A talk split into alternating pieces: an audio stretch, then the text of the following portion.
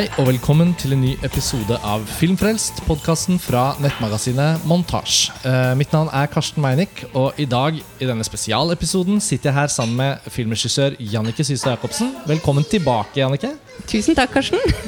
Du var jo gjest på Filmfrelst for åtte år siden. Nesten nøyaktig åtte år siden, faktisk. Da Ja. du hadde din forrige kinofilm 'Få meg på, for faen' eh, på norske kinoer. Eller var klar for norske kinoer. Um, og nå sitter vi her åtte år senere. Jeg spurte deg om du kunne tenke deg å komme tilbake til Filmfrelst, og det er jeg veldig glad for at du har sagt ja til.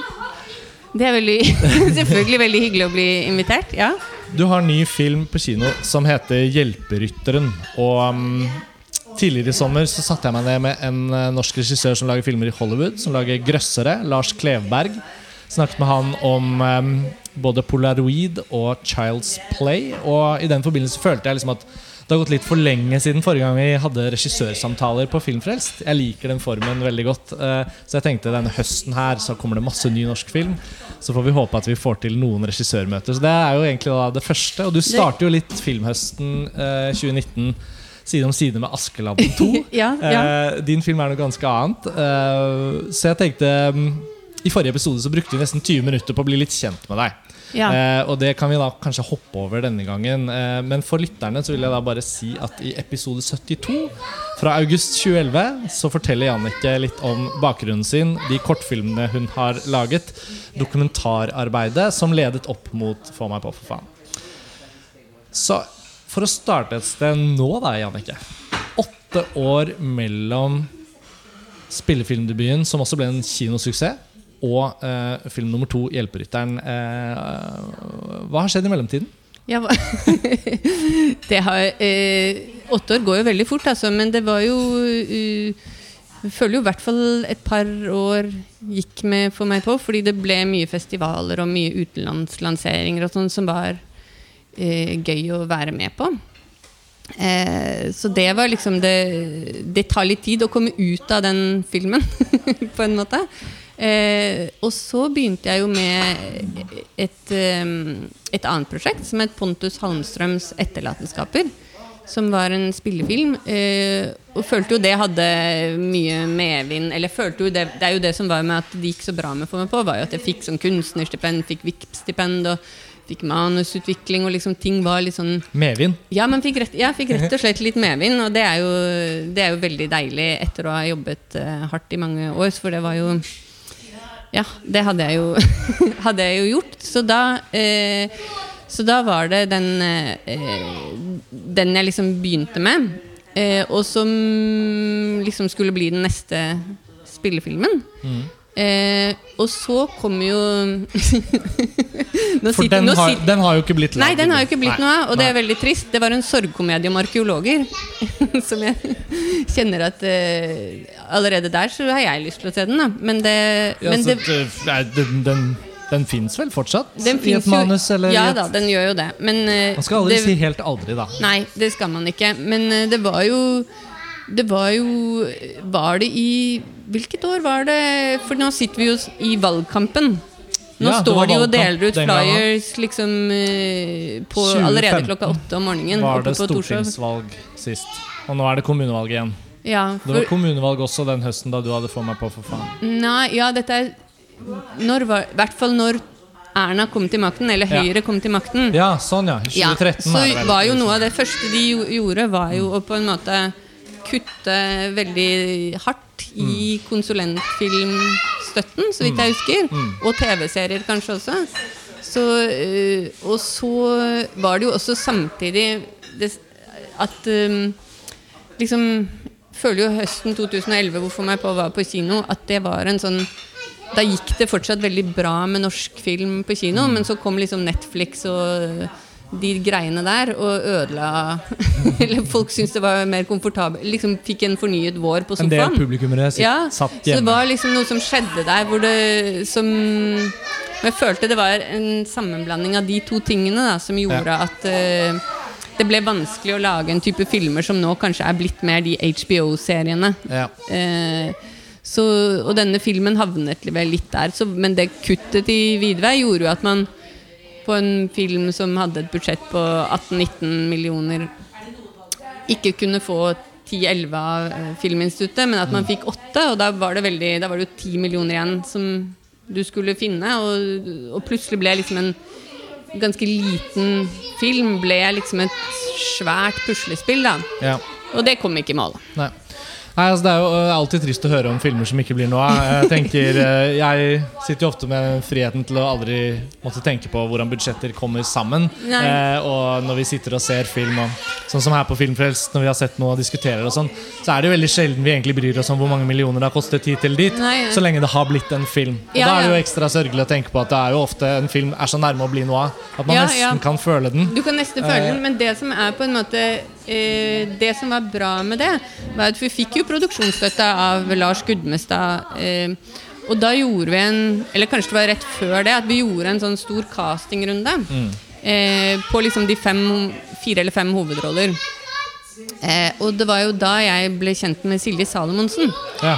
Eh, som Og vi liksom hun, Vi castet jo henne til hovedrollen i den filmen. Ja. Og så eh, gjorde jo vi også en runde til med liksom to-tre dager hvor vi hadde hun og jeg og andre skuespillere eh, holdt på. Og da, så vi på en måte ble ganske godt kjent. da Fikk Ja. jobbet sammen. Og, Så det kommer noe ut av ja, så kom eh, mye Og Nader var også med da. Ja. Eh, Eh, For det, Nå nevner du jo et par av skuespillerne i Hjelperytteren. Ja.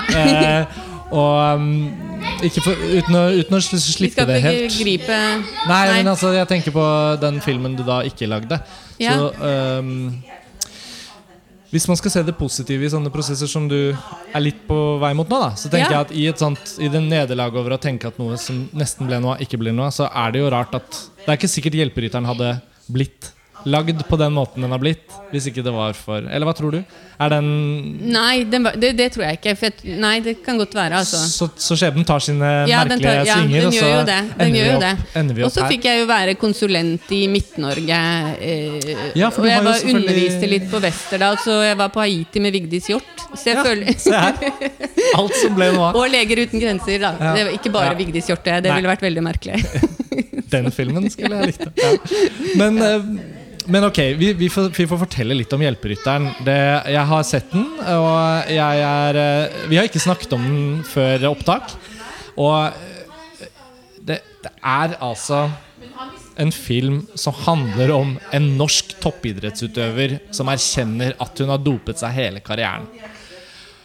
Og jeg kan huske at denne filmen ble Eller at du fikk tilsagn om støtte, tror jeg. Og du må si litt om, om når ideen ble født og sånn her. For som alle vet, så har vi jo da gått gjennom en nasjonaltraume med no, ekte, ekte norske idrettsutøvere. Ikke bare på film. Ja, ja, ja. Men vi har jo nå eh, lagt bak oss nasjonaltraume med dopede norske idrettsutøvere.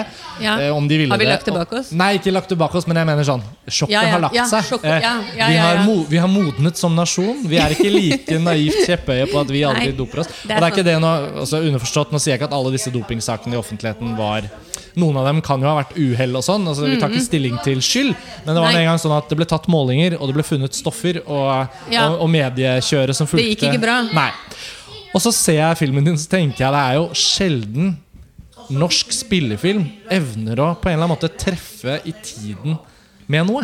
For det er ganske sjelden man liksom får til å rekke å plukke Ja, en ja, idé. ja. Og, en ting er å lage film av 22. juli og tragedier, og sånn, så ser man, ser man at det snakker noe til vår tid. Men, men du har rett og slett filmatisert en idé som ble veldig aktuell. Kan du si litt om Ja, når ja, ideen ble født? Og, Den ble jo født lenge før det, men Ja. det som den, Jeg vet ikke jeg, Altså, jeg tror det, den kom uh, mens etter for meg på mens jeg holdt på med uh, Pontus.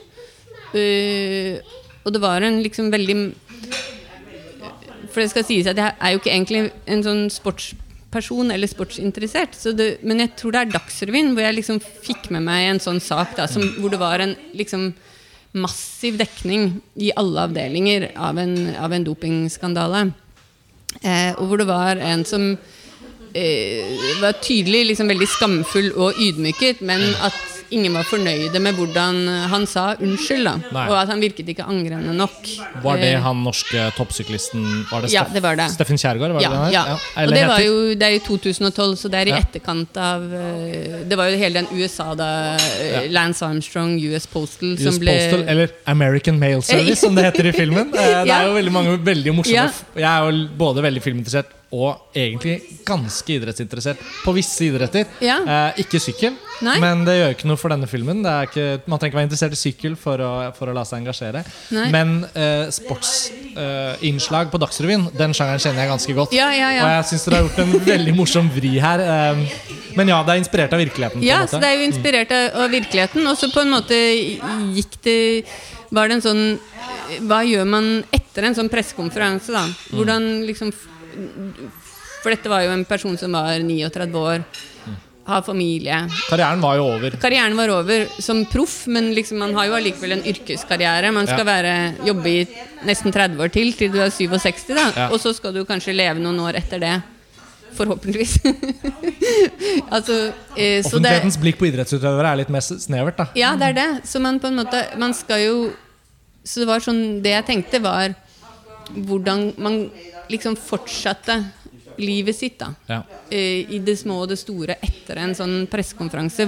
Når man dro hjem, hva gjorde man den kvelden? Mm. Hvem er man sammen med neste dag? Liksom, hvordan går det med familien? Hvordan går det med jobben? Hvordan går det med alt mulig Mm. relasjoner? da Hvordan en sånn innrømmelse påvirker. At det er en veldig det er en veldig voldsomt vendepunkt i et menneskes liv. Mm. Og så føles det sånn Og det ser vi jo aldri når, eh, når det skjer noe sånt på TV. Sånn som f.eks. med Eller Johaug går kanskje litt mer sånn lettet litt på sløret, men du ser jo ofte bare Du ser den der pressekonferansen, Blitslampene. så Blitslampene. mm. så blir det stille, så går det noe tid.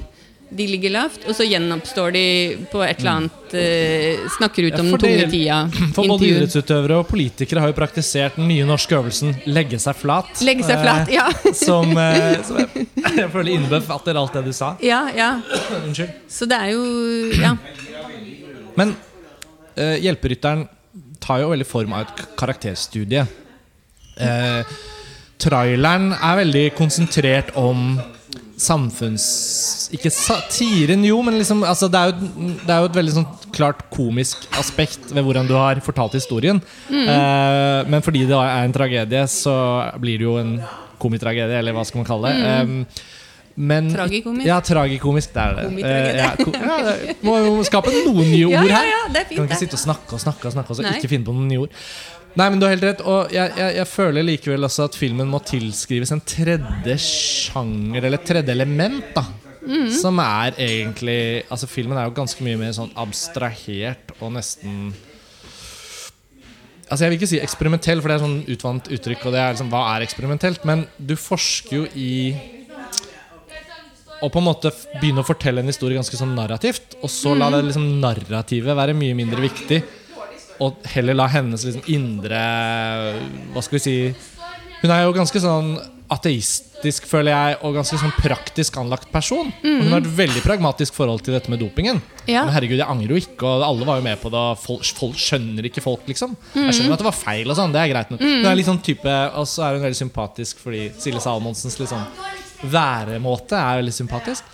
Men så må hun liksom ha en sjelereise uansett, da. Om det blir hos Gud, eller om det blir et annet sted. Litt forskjellige og da steder, tar ja. jo filmen an en sånn, nesten sånn lynsjiansk dimensjon. Ja. Så da, jeg lurer på, kan du si litt om forholdet mellom Ok, det var, ja! ja, men det, er, så, det er veldig gøy at du nevner, nevner Norsk det. idrettsutøver, doping, mediene, Dagsrevyen. Det er veldig sånn håndterlig virkelighetsplan. Ja, ja. Og så er det liksom hjemme, livet, det, komi det tragikomiske. Mm. Og så er det dette tredje, som jeg tror veldig mange kommer til å bli overrasket over. For det jo, ligger jo liksom ikke i markedsføringen og sånn. På den Nei. samme måten Kan du si litt om det? Altså, hva, etter at du har liksom blitt inspirert til hovedpersonen, litt om plottet og inngangen, hvor, hvor kommer de andre inspirasjonskildene fra? Hvor, nei, det var, jo, det var jo litt tanken det at det begynner i en gjenkjennelig virkelighet, og så på en måte blir hun jo mer og mer alene. Og da går man jo litt sånn inn i et annet landskap eh, mentalt eller hva du magisk Nå skal vi jo ikke spoile. Eller, Mm. Nei, det, kan vet jeg ikke om vi skal, men Nei, hvis men jeg tror ikke filmen har hatt premiere. Vi publiserer vel denne podkasten Ja. et par dager før. Ja. Nei, men at det kommer jo til et slags Det kommer jo til et slags bunnpunkt ca. midt i filmen, Ja. hvor det på en måte åpner seg en mulighet for noen øh, nye ting, da, Ja. kan man si. Noen nye elementer. Men så var det jo også sånn Vi kan jo avsløre at det er en elefant. Ja, for det er Det- ikke noe helt av en avsløring. Det, er på det, Eh, det blir jo litt elefanten i rommet hvis ikke vi snakker om Ja, det blir det. Men den var jo øh, Og så øh, er jo denne filmen laget innen Nye Veier. Ja, og en Kan du si kort litt om den ordningen til de som ikke Ja, vet? kort hva eh, det er. Det er jo en, det er jo en eh, såkalt Norsk Filminstitutts talentordning, eller satsing, eh, hvor man på en måte får et ganske høyt prosentvis Eller høyeste du kan i støtte. Eh, men kan Versus private midler, ikke sant? Ja, Du får ikke den høyeste summen i støtte som går an, Ja, men du får den høyeste summen målt av offentlig. Ja. Ja. Og, men, og så må øh, øh, Sånn at det er ikke noe stor jobb å finansiere. Det er ikke mange Nei. som må I motsetning til prosjektet som falt, i, Ja, i øh, motsetning til det. Så det er på en måte en slags øh, Og det gjør også at Eller nå er det veldig dumt å snakke om penger først, men det, det det rett og slett gjør, som er jo at man da kan ha litt lavere skuldre i forhold til å være friere i skapelsesprosessen. da Følte du Eh, deg friere? ja, det vet du hva, det, det tenker jeg faktisk at det, Jeg følte at vi hadde et sånt jokerkort på hånden som vi liksom kunne dra i alle situasjoner. Eh, at liksom Ja, men det er jo Det er jo nye veier. Det er jo nye veier. Så klart vi må ha en elefant. jo, vi, det er jo klart vi skal gjøre dette her og sånn. Ja. Så, så jeg føler at det var en, en sånn øh, For meg var veldig Og de jeg jobbet sammen med, vi var liksom sånn at det var Det er nesten som å få en slags oppgave, da. At Ja. nå får du lov til å For jeg har vært med Det var jeg jo egentlig både i For meg på og Pontus, som var sånne klassiske eh, konsulentordningfilmer. Hvor man liksom eh, At det er sånne ting som du har skrevet i manus som Nei, det blir for litterært, det blir for rart, det blir for ditt eller datt, dette går ikke an å filme. At man liksom på en måte problematiserer ting som ikke er helt konvensjonelt, da. Og med mer penger på spill så kommer det veldig mange Ja. smarte mennesker inn som skal hjelpe deg til Ja. å egentlig ligne mest mulig på det som På har fungert før. ja. Eller, Det er jo litt Ja, det er eh, jo litt sånn. Så Det det, kan jo av og til være bra. Noen filmer har jo godt av det, men det er jo også litt leit å tenke på. da Ja, det er jo det, særlig fordi man må jo si at konsulentordningen også skal, er vel en talentordning. Ja, altså Jeg føler liksom at av mangel på en, en ekte talentordning, så forsøker de Ja. å kalle forskjellige ordninger for talentordning, sånn Ja. at det ser ut som man har en talentordning. Sånn som jeg ser det, både ut ifra montasje, men også fordi jeg har jobbet som klipper på forskjellige typer prosjekter i Norge, så, så må jeg innrømme at jeg, jeg, jeg syns det ser ut som Nye Veier er blitt en ordning hvor eh, filmskapere, eh, talenter eller etablerte kan få laget eh, noen prosjekter i ro og mak med lav risiko, sånn at de kanskje faktisk får laget film eh, med kunstnerisk touch. Eh, og det så vi jo eh, Det ser vi jo i flere av eksemplene som ikke er liksom debutfilmer på Nye Veier, da. men også blant debutfilmene. Um, Ja. Så eh, Det var vel ikke egentlig meningen at det skulle være en debutordning heller. nei. Det er jo det som er litt sånn uh, Ja, så har det blitt veldig vanskelig å få lage en debutfilm. Så det er jo Ja. Det er kork overalt. Når det en gang ble Nye Veier-ordningen, og Hjelperytteren var på en måte skrevet, og dere fikk tilsagn og dere skal inn i opptak, og så snakket jo litt om disse to skuespillerne. Vi må snakke litt om hele rollegalleriet her, føler jeg Ja. for det er sånn morsomt. Mange, mange herlige figurer. Eh, spottet både noen jeg kjenner, og som ikke er skuespillere, men også Ja. skuespillere jeg liker å se mer brukt. da Alt fra Ingunn Øyen eh, som sånn eh, sykkelforbundssjef. Og, Ja, president. ja, president. Hun er rett og slett president. Ja, president i Norges Sykkelforbund. Ja. ja. Og uh, veldig liten rolle. Jeg hadde ikke sett henne før. Men sånn, den amerikanske stjernesyklisten som egentlig bare har en scene på Skype. uh, Mm. uh, som åpenbart er en algori på Lance Armstrong. Sånn. det var så mange sånne fine elementer. Så kan du si litt om det? Cecilie Salomonsen, var det henne Tenkte du fra starten at hun må jo få lov å spille én film som ikke er regissert av Arild Stine Olsen? Så kanskje Ja, man må ja, nei, jeg, ja, jeg hadde veldig lyst til å jobbe med henne. Mm. Eh, og så tenkte jeg, så når jeg begynte med ideen, så tenkte jeg vel liksom tidlig eh, at hun At jeg hadde lyst til å Eller at hun kunne passe til den hovedrollen. Da. Mm. At det eh, Så jeg involverte jo Involverte henne tidlig. Og det skal jo også sies at liksom på Pontus så hadde vi hatt Hadde vi liksom hatt nesten alle kvinner på rundt 35 inne. Og det var på en måte Silje som var den eh, soleklare eh, beste, eller passet best til det. da så, så på en måte jeg visste jo at hun var en god match med manuset mitt, eller hvordan jeg skriver. For det er mange som er liksom, kan være veldig veldig bra, men som liksom ikke Det er ikke en match. Det skal jo være det. Ja. Eh, så, eh, så sånn sett Så jeg visste jo det. Og så hadde jeg vel også lyst til å ha med bare et par andre derfra som jeg også hadde lyst til å ha med. Men det var jo eh, Nå mistet jeg det litt her, men, Nei, det var så mye. Ja, vi sitter Men- på en kafé Ja, vi- på Frogner. Det gjorde vi forrige gangen òg. Ja, det Det føles vi. som en, eh, en tradisjon vi må opprettholde. Det må vi. Eh, og det er litt bevegelse og eh, barn og Og sånn- voksne som kommer med kaffekoppene sine. Men det gir forhåpentligvis en sånn autentisitet Ja, til lytterne. Nei, ja. Nei, men det var jo, dette var jo et manus med veldig mange roller, og også en, liksom en konsekvens av Nye Veier er jo at eh, du Det var jo ikke noe penger til å ansette en som skulle gjøre casting. Nei, eh, for eksempel. Ja, for det Eh. Eller det var ikke noe vi prioriterte. Da, så, det, så derfor så var det Det var helt genialt å ha med Silje på en måte fra starten av. Mm. Eh, fra liksom og, og at hun og jeg på en måte Jeg gjorde masse prøvefilminger av andre karakterer med henne. Da, så vi hadde liksom henne å bygge ut ifra. Eh, som setter jo en tone. For det, det var jo helt sånn På Få meg på så hadde vi jo alle Var det vel fem ungdommer som vi liksom drev og castet samtidig. Men hvor du liksom Det er bare et par uker før du liksom bestemmer deg for hvem det blir. Og det mm. mens det er jo noe helt annet når du kan si ok, vi har bestemt oss. Det er Silje. Eh, og så er det alle de rundt som må på en måte passe til henne. da Og jeg, nå Sportsnerdemessig, da, så tenker jeg jo litt på uh, Hun er jo omtalt som en uh, syklist som, som vinner klatretrøya. Ja. Og alle som følger litt med, i hvert fall vet jo at en syklist som er en god klatresyklist, må nødvendigvis være litt petit. Eh, det- Det blir ikke like overbevisende med en sånn actionheltinne-type.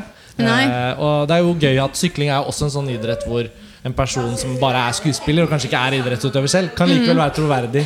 Fordi det, det krever ikke den store muskelmassen eller um... Nei, og så var hun jo på en måte Hun, var jo, hun har jo lagt opp. Ja, nettopp. Det er Så, også men jeg tenkte vel det med. Silje også, at, eh, som jeg tenker nå er litt morsomt, og som også Isak, produsenten Vi var liksom, ble veldig sånn enige om at ja, men Silje har troverdighet altså, som sånn jeg faktisk at hun, det opplever jeg at hun har. uh, og hun har også troverdighet som, som Det er ikke så veldig lynsjiansk, disse grepene du har gjort heller. Da. Det er ikke sånn at, du må, at hele filmen må tenkes som en sånn eh, At det er spennende at du har vært inspirert av David Lynch. Men hun øh, Nå har jeg jo Forrige film jeg så henne i, var jo 'Now It's Dark' av Mm, Øystein som vil jeg si var ganske eksperimentell. Og nødvendigvis ikke for meg den mest engasjerende filmopplevelsen. Men der var jo Silje Salmonsen i en sånn konstant flyt gjennom et sånt uh, underliggjørende univers. Og hvis det er underlig rundt henne, så fungerer hun også ganske bra. For hun har ganske sånn åpent fjes. Så jeg syns hun gjør en veldig fin innsats her. Og så er det veldig mange fine birolleskuespillere. Nadir Kademi, som du nevnte så vidt, er jo Ja. enormt komisk talent. Um, Kjempemorsom. Uh, han, er ikke, Og også- han er kanskje ikke en fleshed out dramatic character i den forstand at vi vet hvor han kommer fra, og sånn men som en sånn manager så syns jeg han fungerte veldig Ja. Og også Espen Klaumann Høyner som mannen hennes. eh, er jo også utrolig morsom. Og Agnes Kittelsen som sånn sykkelnemesisen. Ja. Grete Stein. Ja, der er det jo De har jo et par, særlig én sånn showdown som er veldig hva, skal, hva er ordet? Altså, det er en veldig eh, gøyal film, eh, og da mener jeg det sånn å være med på den reisen og koble det med ting du har fra offentligheten, det ble litt sånn Det ble noe som bare skjedde med meg mens jeg oh, så den. ja. Jo, men altså at jeg tenker sånn Ok, Det er ikke viktig at denne karakteren er inspirert av en spesifikk idrettsutøver. Men jeg ser jo på innslag fra norsk idrettsvirkelighet og tenker Er den utøveren der egentlig litt dust? Skjønner du? Altså, Er hun eller han en som de andre liker eller ikke liker? Ja, ja, Ta hele Ski-Norge, da. ikke sant? Mm. Jenter og gutter om hverandre. Så har du type 20 utøvere som vi hører veldig mye om i perioden desember til april. Ja, Og så er det jo ganske mange intervjuer man skal se, og noen ganger ser det ut som de er bestevenner. og sånn Andre ganger tenker jeg «Ja, ja, ja. ja. ikke sikkert de der er helt glad i hverandre. Det er nok litt spill, det, altså. Og det, ser jo, det leker jo du med her i filmen også. Ja, ja, ja. veldig Ja. Mm. Um, men der, du har jobbet med en fotograf som er en ganske ung fotograf. eh, Eh, han heter Nils Eilif Bremdal Vinell. Nettopp. Å, det var typisk at jeg ikke klarte å huske det. Men Ja. uh, han imponerte veldig med 'Fluefangeren' til Izer Aliyu. eh, En film noen så sikkert for noen år siden. Og, og jeg var nysgjerrig på hvem som hadde hatt foto. Da så rulleteksten. Så, ja, nettopp, ja. Det var han. Kan du Mm. Ja. fortelle litt om det samarbeidet? For jeg syns det var veldig mange fine Ja. Ikke så overraskende, da. Jeg syns det var i den forrige filmen din òg.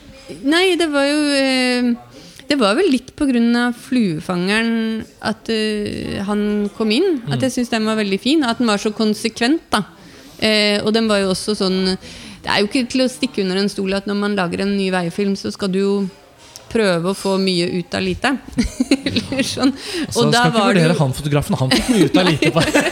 Nei, men at man liksom på en eller annen måte Du kan eh, Jo, vi var liksom egentlig faktisk sånn inne på tanken om å ta en veldig senior. Super, en, kanskje den mest seniorete. Mm. men det, men at, at det kanskje kunne vært en gøy utfordring for den personen. Men det var Og så hadde han også eh, Når vi begynte, så holdt han på med en eh, TV-serie som ble hetende Oslo Zoo. Ja. Som også var litt sånn Jeg har ikke sett den eh, selv, men, uh... Nei, den er veldig veldig morsom og fin og, og visuell. Så Mm. jeg syns han har et sånn tydelig blikk, da. ja. Eh, så det var Ja. Jeg følte det matchet veldig bra med sånn sensibiliteten jeg antar at er din. da I Ja, løpet av de ja. filmene dine jeg har sett nå. Og forholdet mellom dokumentar og fiksjon som du har Ja, det var det også. Han hadde Ja. vel også Dette er litt sånn der, men det var en film som het 'Togrøvere', som jeg hadde støttet oppe i Midt-Norge. Ja. Eh, som han hadde foto på. Ja. Se. Hvor de hadde gjort noen veldig Det er jo en Er det fra 90-tallet? De har liksom laget noen gjenskapninger på Betacam eller et eller annet sånt noe. Men, eh, så det var noe sånn eh, Som jeg husker jeg tenkte at var veldig sånn Var veldig kult gjort. At det var liksom både estetisk og det var en sånn bevissthet om opptaksformat og Altså, Det var ikke noe juksing i svingene. Dette er ikke noe hoveddelen av publikum nødvendigvis bryr seg om, men i Hjelperytteren har dere lyktes spesielt godt med gjenskape Dagsrevyen og, og, ja, men, og sånn eh, sports, gamle sportsvideoting som ikke er Ja. eldgamle, men liksom akkurat litt før de Ja, HD-tidsalderen vår. Altså det er Mm. mange sånne små detaljer. Men det er hovedsakelig for liksom første 20 minuttene av filmen. da Den tar Ja. en sånn ganske sånn annen retning. Så du var jo avhengig av å både jobbe med en fotograf og en klipper som liksom er i stand til å bytte mellom litt sjangre og stemninger her. Og, Mm. ja, det er jo mange Når vi eh, s- holdt på med utvikling, så snakket vi vel om at det var liksom tre filmer i filmen. At det er den derre Dagsrevyen. Mm. Og så er det jo en slags eh, holdningskampanjefilm. ja, den er jo også Eh, og så er det eh, Den drømmen. Mm. Så det er liksom tre sånne som på en måte er jo sånn, Det kommer jo også når vi holder på å lyssette. At man liksom Det er ikke en sånn én linje som man følger. Det er liksom litt sånn Og så kommer det noe der, og hvordan Ja. skal vi håndtere det? Og så, Ja, ja. og det er jo egentlig en av de tingene jeg har tenkt at kanskje man kommer til i løpet av samtalen. eh, hvis vi har tid Mm. Altså, det å eh, sjonglere toneleier ja. eh, må jo ha vært Eller jeg tenker kan det kanskje endte opp med å ha vært den aller største utfordringen her i ferdigstillingsprosessen med klippen og sånn. Fordi jeg bare ja Det virker som dere har jobbet veldig mye med liksom, de skiftene skal klare å liksom, inntreffe uten å lage for store sånne rystelser hos publikum. Men for eksempel er en samtale mellom mann og kone på soverommet som blir Altså Fortsetter å være en komedie, men da skifter filmen over til Så skjønner man ikke helt eh, Det var ikke noe galt i det for så vidt, men jeg ble veldig sånn noen steder så hang jeg litt sånn dårlig med på Ok, nå byt, og nå bytter, bytter vi? Eller ja, vi bytter. Altså, ikke sant, skjønner du hva jeg mener? Mm. Ja, ja, hvordan Kan ja. du si litt om hvordan du jobbet med å få de tingene på plass? Uh, Musikken har mye å si. ja, jeg, synes, jeg tenker musikken har mye å si, men at det er jo um, I det der at du går på en måte Ja. Tar det alvorlig og tøyser med det samtidig, da. Eh, men eh, Og det er jo liksom Det var vel noe Tenker jeg liksom alltid Fordi man begynner i en virkelighet som er liksom veldig virkelig og gjenkjennelig, og så er det liksom noen ting som liksom, Hvor er det der tydelig at dette er morsomt, at du kan le? da At det på en måte var en sånn ting som var vanskelig å finne ut av. Ja. Eller Liksom At man bare gir publikum på en måte rett briller. Ja. For det er jo ikke non- en gang, da. Det er jo ikke non stop komedie. For Nei. det er jo veldig mange scener her det ikke er meningen at man skal le. Altså. Mm. er det jo sånn at Dere må liksom håndtere det at publikum er på vei inn i en scene hvor de egentlig ikke er ment å få komedie. Da. Ja. Hvordan forbereder man publikum på det? Og da følte jeg både Peder Kjelsby og sikkert klipperen Marta Sæverud også vært viktig for Ja. å liksom, lage de Ja. Balanse Jeg over sy- jeg, eh, faktisk den der, Den talen du snakker om, som han Ja. holder, han mannen, så var det jo eh, Fordi hun holder jo en tale på pressekonferansen, og så skal Ja. liksom han ha Føler seg kanskje litt satt i skyggen og skal ha sin Ja. egen tale. Ja. Og da var det jo sånn at uh, den musikken Det var no, faktisk den aller første musikken vi fikk fra Peder. Ja. Eh, så var den med, og at vi gjorde det der grepet hvor det liksom For hun avbryter jo han, lar han ikke prate. At liksom, ok, Og da stopper også musikken. Men så var det også sånn at den Utrolig kult å jobbe med, med Peder, men at, og den musikken syns jeg liksom på en eller annen måte har vært så sånn fin i å, å få frem den humoren og temperaturen, da. Mm. Men, eh, men at det da eh, At det liksom plutselig blir en slags sånn eh, diktaften, da. Hvor det er liksom jazz i bakgrunnen mens du leser Ja. diktet. Så på en eller annen måte hvor, da, hvor, da blir jo den pompøsheten hans Ja, han har jo en veldig teatral personlighet. eh, Ja. Eller han Per. spiller nærmest i sin egen film litt. Ja, ja. Eh, og det er jo ganske morsomt, men også en ambisiøs ting å prøve å få, få på plass. Da har du jo heldigvis Espen Kloman Øyner som, er god på Han er veldig Han er Ja. Jeg føler, og jeg har både klippet han i en film og, og sett mye, og jeg syns han eh, Ja, han nailer det. Vi, Mm. vi gjør dette opptaket rett før du skal av gårde til uh, førpremiere i Stavanger. Og jeg, Ja. jeg registrerer nå at tiden vår faktisk ja. løper ut. Eh, Ja. Det er ikke noe å gjøre noe med, men ehm, vi kunne fortsatt uh, lenge nå, fordi jeg føler det er mange ting å snakke om i denne filmen. Men det er også litt kanskje fint for lytterne at de får anledning til å se den. Så dette er jo litt sånn. Mm. før premiereepisode. Så kanskje har noen spart episoden, kommet tilbake og hørt deg snakke om den. Men du kommer jo til å gjøre en del intervjuer, og forhåpentligvis, hvis det er noe vi ikke har fått snakket om, så går det an å finne svar på det i andre samtaler du skal ha. Du skal ha noen Q&As også på, på lanseringsturneen. Um, og hvis noen er nysgjerrig på den samtalen vi hadde, så er det som sagt da i episode 72, tror jeg. August 2011. Det er bare bla bakover i arkivet. Jannicke, jeg håper ikke det blir da åtte år mellom hver film nødvendigvis.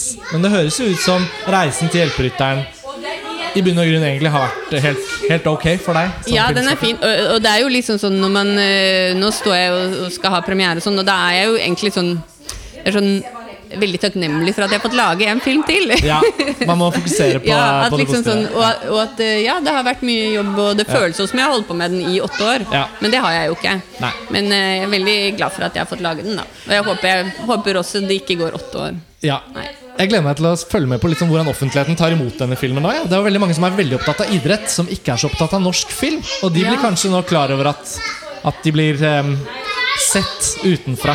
Det blir spennende å følge med på. Ja. Eh, vi får avslutte. Tusen takk, Jannicke, for denne lille samtalen her. Eh, så snakkes vi igjen neste gang du lager en film. Tusen takk. Ha det bra.